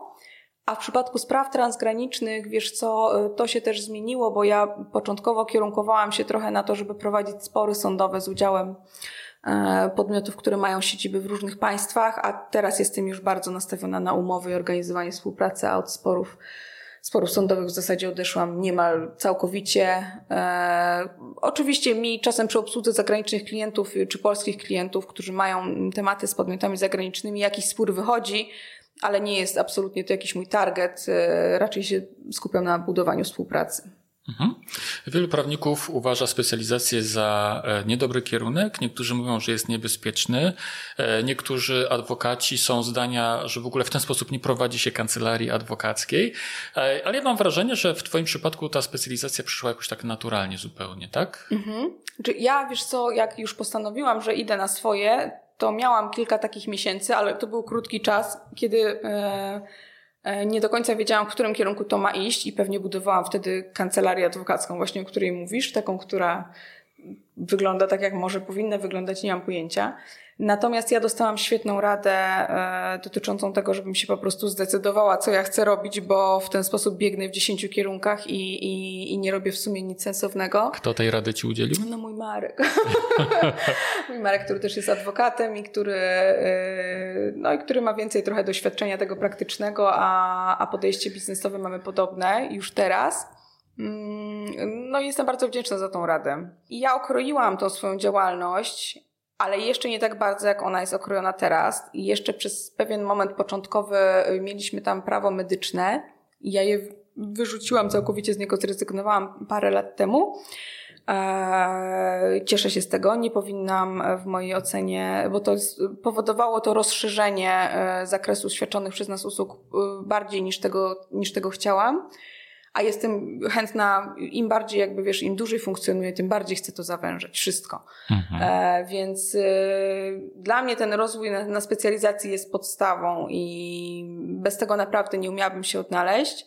Aczkolwiek ja wiem, że to jest trochę pyszałkowate podejście osoby, która może sobie na tą specjalizację pozwolić, bo wykonuje zawód w większym mieście. E, wydaje mi się, że trochę inny jest, e, inna jest optyka e, adwokata czy radcy prawnego, który pracuje w bardzo małej miejscowości, gdzie może ta specjalizacja przychodzi, przychodzi trochę trudniej. Mhm. Chociaż wiesz, teraz bariery te geograficzne i tak dalej, to świadczenie pracy zdalnej tak. może, może powodować, że to, gdzie mieszkamy, może już nie ma znaczenia, ale tak. chodzi mi bardziej o rynek, nawet nie miejsce zamieszkania, tylko o rynek i, i klientelę, do której się kierujemy. Myślę, że to może mieć jak, jakieś znaczenie. E, natomiast e, ja nawet w przypadku, w takim przypadku myślę, żebym szła też w tą specjalizację. Przyniosło mi to tylko dobre rezultaty i nic złego nie mogę na ten temat powiedzieć. Nie widzę w tym zagrożenia. Mm, widzę w tym możliwość rozwijania się konsekwentnie w jakimś kierunku, który się obrało mhm. E, i bardzo duża funkcja porządkująca naszą rzeczywistość. Mhm. Poza tym naprawdę mamy możliwość rzeczywiście, bo ta specjalizacja to nie jest tak, że to jest tylko słowo, to nie jest tak, że my umiemy wszystko, a nagle sobie wybieramy jedną z miliona rzeczy, które robimy świetnie. I ja nie wierzę w to, że jesteśmy w stanie robić wszystko świetnie ja wielu rzeczy nie umiem i y, odsyłam do kolegów OV, którzy umieją. Ja umiem w to, co umiem, wiem w co umiem i e, klientom też mówię, jak, jak nie jestem w stanie im pomóc, ale znam kogoś, kto, kto się na czymś fantastycznie zna i, i to nie jestem ja po prostu. Fajnie to nazwałaś, że to porządkuje rzeczywistość. Bo bym mhm. się z tym zgadzał. Tak, to wprowadza taki ład, mhm. porządek, bez, spokój, tak, spokój. Tak, właśnie mhm. taką koncentracja, dobrze. E, jak promujesz swoją specjalizację? E, wiesz co, e, to też się jakby zmienia na przestrzeni rozwoju e, i na przestrzeni upływu ostatnich lat, bo tej promocji z mojej strony więcej było na początku. To nie jest tak, że jej teraz nie ma, ale teraz to już kręci się troszeczkę siłą rozpędu i ja rzeczywiście na, bazuję w dużej mierze na poleceniach, ale to nie jest tak, że te polecenia przychodzą do nas od razu, no bo to, to ja też to, to napisałam w książce, że to nie jest tak, że otwieramy własną działalność i wszyscy są pod wrażeniem. Nikt o tym nie wie, słuchajcie. Nikogo to nie interesuje, więc myślę, że, że trzeba zaakceptować to, że nikt o tym nie wie i mało kogo to interesuje, poza nie wiem, mamą, tatą i tam osobą bliską e, e, i, i że trzeba do tych, do tych naszych potencjalnych klientów jakoś wyjść.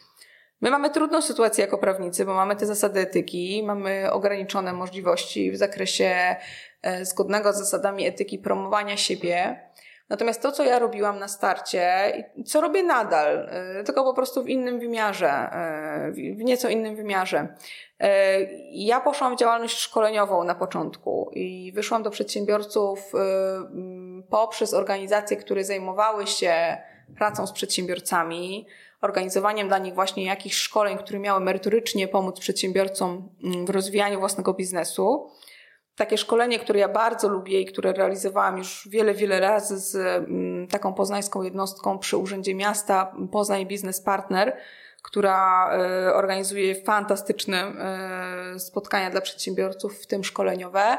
Jest, jest moje szkolenie ze spółki z OO. To mówię, to szkolenie przeprowadziłam wiele razy, ale pamiętam swoje pierwsze rozwój, wiesz, y, związany z wystąpieniami publicznymi, jaki można zrobić przy tej działalności szkoleniowej, też jest rzeczą fantastyczną. E, bo ja wystąpień publicznych nie uwielbiałam na początku, a teraz przepadam. Więc y, to wychodzenie i, i, i wałkowanie czegoś i wychodzenie jakby poza swoją strefę komfortu to jest fajne.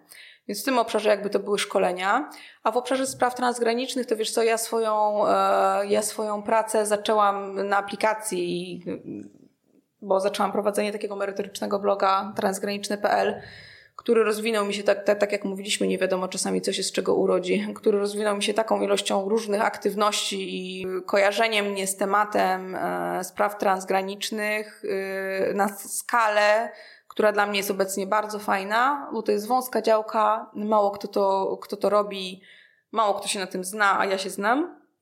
Więc to było fajne też. E, publikowałam, czy publikuję dalej dla e, mm, w biuletynie Euroinfo e, przy Polskiej Agencji Rozwoju Przedsiębiorczości.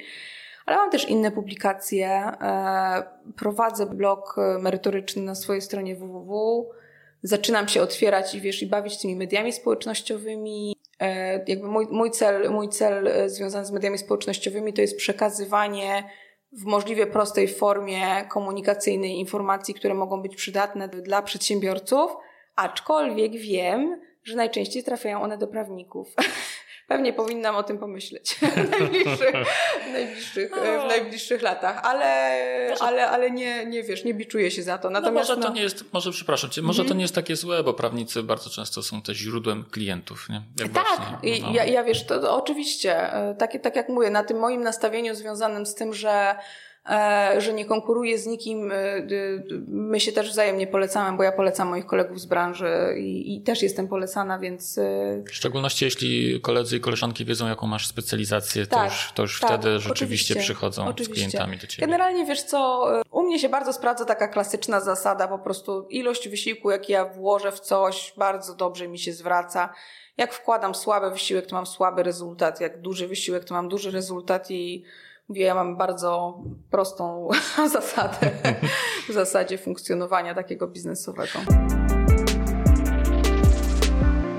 Powiedziałaś, że masz dużo klientów z polecenia. Mhm. Co według Ciebie wpływa na to, że klienci chcą polecać kancelarię prawną? Mhm. Podstawą tego, żeby klienci byli zadowoleni z usług prawnika jest to, że to musi być merytorycznie świetna obsługa i ja, dla mnie jest to tak oczywiste, że nie, nie mam nawet potrzeby dłużej, e, żeby o tym mówić, e, bo wydaje mi się, że no to, jest, to jest jasne. Klient zadowolony z jakości naszych usług, chętnie je poleci dalej, ale to, co wiem, e, że jest dla klientów ważne, co nie dotyczy stricte już poziomu merytorycznego tych usług, które my świadczymy, to jest komunikacja, sposób rozmowy z klientem, to żeby klient wiedział, o czym my w ogóle do niego mówimy i żeby nie musiał kiwać głową zakłopotany, a potem szukać w Google znaczenia słów, które, których użyliśmy.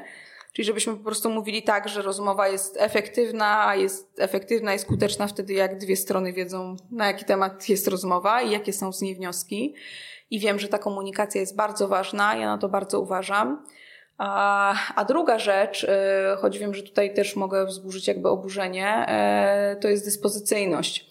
Mm, bardzo wielu moich klientów mówiło, że kancelarie, z którymi wcześniej pracowali, potrafiły nie odzywać się do nich tygodniami. E, I ja wiem, że to jest problem. Jest. I ja zdaję sobie sprawę z tego, że, że prawnicy powiedzą, że przecież my nie zawsze możemy oddzwonić czy odpisać. I ja też nie zawsze mogę oddzwonić czy odpisać w czasie rzeczywistym, tak? W tej Jasne. samej minucie. I Niemniej jednak jesteśmy bardzo dyspozycyjni. Jak nie ja, to ktoś inny. E, jak nie mogę oddzwonić albo nie mogę, nie mogę odpisać, e, to mam też w zwyczaju y, napisać choćby krótką wiadomość jakimkolwiek kanałem, e, że widzę maila, że widzę telefon i oddzwonię, mm, czy odpiszę. Najczęściej też piszę, kiedy odpiszę lub kiedy oddzwonię i myślę, że ten szacunek, e, szacunek do klienta i tego, że, że dzieje się coś, co on uważa za pilne i ta dyspozycyjność to jest coś ważnego, e, chyba nie ma co się przed tym bronić. E, ja nie stoję na, na, na piedestale i e, e, nie, mam, nie mam problemu z tym, że oczekuje się ode mnie tego, żebym była w miarę dostępna. Po prostu komunikatywna, Oczywiście. tak? Mhm. Wiesz co, powiem Ci Anno, ja mam taki podcast jeszcze zamknięty dla naszych prawników, nie? W, mm -hmm. w tej naszej grupie webexowej. I, I czasem po prostu rozmawiam z przedsiębiorcami i -hmm. pytam ich o to, jak oni oceniają współpracę z prawnikami. I powiem Ci szczerze, to jest źródło bogatej wiedzy, bo ci ludzie mm -hmm. opowiadają wprost mi, co nie jest ich mhm. prawnik, więc umie się, przede mną się otwierają, nie? Mhm. I podstawowy zarzut, który ma każdy, każdy, to jest właśnie to, że prawnicy zwyczajnie się do ludzi nie odzywają. Ja... I czasem, po, czasem klient potrafi wysłać maila i czeka na odpowiedź tydzień dłużej, mm -hmm. tak? Aż w końcu stwierdza, że pan mecenas na przykład o nie nim zapomniał. Mm -hmm. Albo że zapomniał o nim, nie? I wtedy po prostu szukają sobie kogoś innego, opuszczają swojego, e, e, swojego prawnika. Więc to, o czym wspomniałaś, to jest bardzo, bardzo, bardzo ważna rzecz. A jest tak prosta i tak oczywista, że aż dziwne, Dokładnie. że prawnicy no, o tym no, rzadko myślą tymi kategoriami. A bo my się chyba staramy jakby właśnie skupić na tym, że odpowiedź jest, wiesz, bardzo złożona i schowana i, i trzeba się do niej dokopać, a, a, a, a to tak nie jest. A jest prosta. A jest prosta. O problemie dyspozycyjności, tak jak mówię, ja też dużo słyszałam, więc yy, pilnuję tego. Dobrze. Jakie według Ciebie cechy powinien mieć dobry prawnik? E, super pytanie. E, I tu też pewnie powinnam zacząć książkowo od tej wiedzy merytorycznej, e, ale może przyjmijmy sobie, że to, to wyrzucamy przed nawias, bo, bo y, dla mnie to jest jasne, że to jest taki, wiesz, kręgosłup dobrze świadczonych usług, że trzeba po prostu być dobrym profesjonalistą i wiedzieć, e, wiedzieć, co się robi, kiedy się już od kogoś bierze za to pieniądze. Oczywiście. Ale dla mnie, poza takimi cechami jakby oczywistymi, e, jako pierwszą wymieniłabym spokój. O bo ja lubię, wiesz co, pracować. Ja, ja określając te cechy dobrego prawnika według mnie, zastanawiam się, z jakimi ludźmi ja lubię pracować. A ja lubię pracować z ludźmi, którzy są spokojni e, i którzy ten spokój przelewają na mnie. E, lubi... Ale masz na myśli takie opanowanie, opanowanie tak? tak. Mhm. Opanowanie, panowanie nad emocjami, e, nie kreowanie przed klientem, wiesz, wizji katastrofy, ja wiem, że trzeba być rzetelnym i ja mówiąc spokój wcale nie mam na myśli mówienie, że będzie dobrze, wszystko będzie dobrze, tak, ogarniemy. To nie o to chodzi. E, ale y, fakty, które są niewygodne dla klienta i na, y, można też zakom można zakomunikować w dwa różne sposoby. Albo na wiele więcej innych niż, y, niż tylko dwa. E, ale to może zasadniczo iść w kierunku paniki i komunikatu na zasadzie, wiesz, ja to trochę przerysowuję mm, co się teraz wydarzyło i co my teraz zrobimy, a można po prostu w sposób y, rzeczowy przedstawić, jak to się może rozwinąć, jakie mogą być tego skutki. E, I jeśli my wewnętrznie panikujemy, to klienci to odczuwają. E, a myślę, że nikt z nas nie chciałby pójść do lekarza, który w sposób e, paniczny przedstawiałby nam diagnozę. Tak? I bo byłoby to, byłoby to cokolwiek, cokolwiek osobliwe, a e, wiem, że to się zdarza w przypadku usług prawnych, że prawnicy są nerwowi przedstawiając klientowi to, jak sytuacja wygląda i myślę, że tego trzeba unikać. Druga rzecz to prawnik powinien umieć mówić językiem zrozumiałym i ja na to bardzo dużo, do tego bardzo dużo uwagi przykuwam wewnętrznie też u siebie w kancelarii, jeżeli y, ktoś z moich współpracowników przychodzi do mnie z komunikatem, że koncepcja rozwiązania sprawy jest taka i taka i ja tego nie rozumiem bez y, bardzo dużego skupienia, to, to, to mówię, że nie rozumiem. Mhm. Tak wiesz, nawet z grubsza, od razu. Wie, nie rozumiem mhm. prościej, nie rozumiem prościej i będę się starała tak długo być denerwująca z tym nie rozumiem prościej, aż w końcu zrozumiem to w pierwszych słowach. E, nie wiem, kto to powiedział, ale dla mnie, e, e, ale bardzo, bardzo, bardzo prawdziwe uważam te słowa, że jeżeli nie umiesz czegoś wytłumaczyć w prosty sposób, to chyba sam tego nie rozumiesz. Więc komunikacja jest dla mnie bardzo istotna i te umiejętności komunikat, związane z komunikacją. A, a jako taką trzecią cechę, też bardzo istotną dla mnie, to jest patrzenie z tej szerszej perspektywy na problem klienta.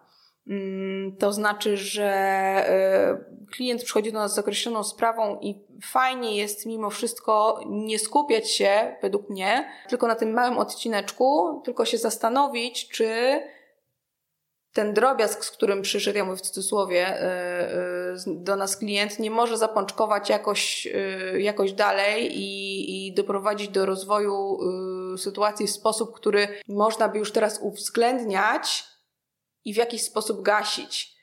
I ja powiem szczerze, że większość swoich stałych obsług zdobyłam właśnie w ten sposób, że pokazywałam, że choć przyszliśmy tylko z tym drobiazgiem i jakby mówimy tylko o tym, to trzeba uwzględnić, że problem ma znacznie szerszy wymiar. Tylko to musi być szczera komunikacja i to nie może bazować na tym, że my coś wymyślamy. Mhm. Ale jeżeli jest jakiś szerszy kontekst, to warto zwrócić na niego uwagę. Nie trzeba wciskać klientowi tych usług w zakresie obsługi szerszego obszaru, ale warto przynajmniej zwrócić na nie uwagę. Powiedzieć, że perspektywa jest taka i taka yy, i myślę, że to jest, yy, że to jest, że to jest coś, co może fajnie wpłynąć na rozwój. Bynajmniej u mnie wpłynęło. Mm-hmm, mm-hmm. Ja, no podcast w drodze do kancelarii jest skierowany do prawników, którzy początkują na swojej drodze zawodowej. Powiedz, jaką miałabyś jedną, jedyną, najważniejszą według Ciebie radę dla takich początkujących prawników? Następne doskonałe pytanie. Wiesz co? E, słowo rada to jest takie słowo dla mnie trochę jak misja. I ja ci powiem tak, jakbym miała dać jedną radę e, młodym prawnikom, to bym powiedziała, żeby nie słuchać rad jednej osoby, w tym moich. E, myślę, że trzeba słuchać rad no. wielu osób. I najlepsza wiedza to jest wiedza, którą pozyskacie z wielu źródeł. To jest, e, I to jest taka moja podstawowa rada, a jeśli mogę się wcisnąć z drugą, no, to żebyście śmiało. się nastanowili na starcie, e, o co wam chodzi mm, tak naprawdę. Co chcecie zrobić, do czego zmierzacie i nie tylko tak biznesowo, ale co was po prostu uszczęśliwi, bo to nie jest tak, że jeżeli koledze po fachu coś tam wychodzi w jakimś kierunku, to automatycznie u was to spowoduje komfort i, i, i szczęście w pracy to nie ma absolutnie znaczenia, co robi ktoś inny. W waszym życiu istotnie jesteście tylko wy i, i, i warto patrzeć, patrzeć w siebie, a mm, mentorów i, i, osoby, które chętnie, e, chętnie komunikują, że wiedzą dokładnie, co powinniście zrobić, ja traktuję zawsze z ostrożnością i staram się mieć wiedzę z wielu źródeł, więc a, to jest moja rada. Mhm. Ostrożnie podchodzić do rad. Mm-hmm. Bardzo fajna. A co według Ciebie każdy początkujący prawnik powinien przeczytać? Słucham. E, nie, niewyobrażalnie trudne pytanie, wiesz co? E, I e, chciałabym dać na nie taką odpowiedź, która jest zgodna ze mną, dlatego że to nie będzie żaden podręcznik związany z, z rozwojem biznesu prawnego, tylko właśnie z tym, żeby sobie komfortowo żyć ja nie mam łatwości w budowaniu autorytetów i w, w znajdywaniu w innych osobach autorytetów. Chyba wynika to właśnie z tego, że ja lubię kwestionować koncepcje, myśli, myśli i rady, ale mam taki autorytet i, i, i to jest pan Jacek Santorski. I on napisał taką książkę Dobre Życie. Polecam ją każdemu jak ją prezentuję, jak ją daję w prezencie e, któremuś e, ze swoich klientów, to, to najczęściej mam komunikat zwrotny, że wyrywają ją sobie z rąk, więc e, w domu polecam bardzo. Polecam bardzo. Dobre Czyli życie Jacek Santorski. Jacek Santorski. Czyli ty jako prezent dajesz, tak? Klientom czasem tą Czasami książkę? daję, tak. Na koniec roku na przykład, tak. tak. Mhm. Z jakąś dedykacją wtedy? Tak, tak. Co zwykle piszesz? Wiesz co, dla mnie jakby to, co ja lubię w relacjach z moimi klientami jest to, y, że możemy sobie pogadać właśnie na takiej zasadzie żeby te biznesy na takiej zasadzie, że mówimy sobie o tym, co powoduje, że mamy komfort i zadowolenie, satysfakcję z prowadzonych biznesów. I ja się od swoich klientów bardzo dużo swojego podejścia obecnego nauczyłam. Mm, bo moi klienci troszeczkę się różnimy wiekiem wielokrotnie i mają więcej tego doświadczenia życiowego wielokrotnie niż ja. I takie spojrzenie na, na właśnie kwestie, wiesz, kołowrotka, czy sposób rozwoju organizacji, jakim jest firma, ja bardzo dużo wiedzy pozyskuję właśnie z rozmów ze swoimi klientami. E, I e, taki podarunek w formie książki, która e, mówi w sposób fantastyczny właśnie o tym, jak żyć w taki sposób, żeby odczuwać ten komfort, to, to jest coś, co jest fajnie po prostu jakby odbierane. A w dedykacji najczęściej właśnie piszę o tym, żeby, żeby wiesz, nowy rok przyniósł spokój, radość i, i, i po prostu szczęście. Bo to są takie proste życzenia, a ja lubię te słowa i, i lubię je też przekazywać dalej. Joanno, i tego wszystkiego Ci życzę, właśnie tego spokoju i szczęścia. E, I żeby Ci się dalej kancelaria tak doskonale rozwijała i dziękuję Ci za dzisiejszą rozmowę. Przypomnę naszym słuchaczom, że gościem tego odcinka podcastu w drodze do kancelarii była pani mecenas Joanna Lubecka, adwokat. Joanno, jeszcze raz dziękuję. Ja bardzo dziękuję Ci Rafał za zaproszenie. Fantastyczna rozmowa. Po raz kolejny e, dochodzę do wniosku, że podcast to jest po prostu fantastyczna forma. Bardzo dziękuję. Dziękuję również. Dzięki. To już koniec tego odcinka podcastu w drodze do kancelarii. Cieszę się, że ten czas spędziłeś, spędziłaś razem ze mną i mam nadzieję, że to był czas spędzony owocnie. Jestem pewien, że przyniesie Ci on wkrótce wyraźne korzyści. Oczywiście, jak zawsze, mam do Ciebie gorącą prośbę, abyś polecił czy poleciła podcast w drodze do kancelarii tym, których lubisz i którym życzysz szczęścia i powodzenia. Niech inspirujące historie mkną w świat i zmieniają go na lepsze. Do usłyszenia zatem w kolejnym odcinku podcastu w drodze do kancelarii. Mówił Rafał Chmielewski, autor pamiętnika adwokata oraz szef w grupie Weblex wspierającej prawników i kancelarie prawne w zdobywaniu wielkiego i wspaniałego świata.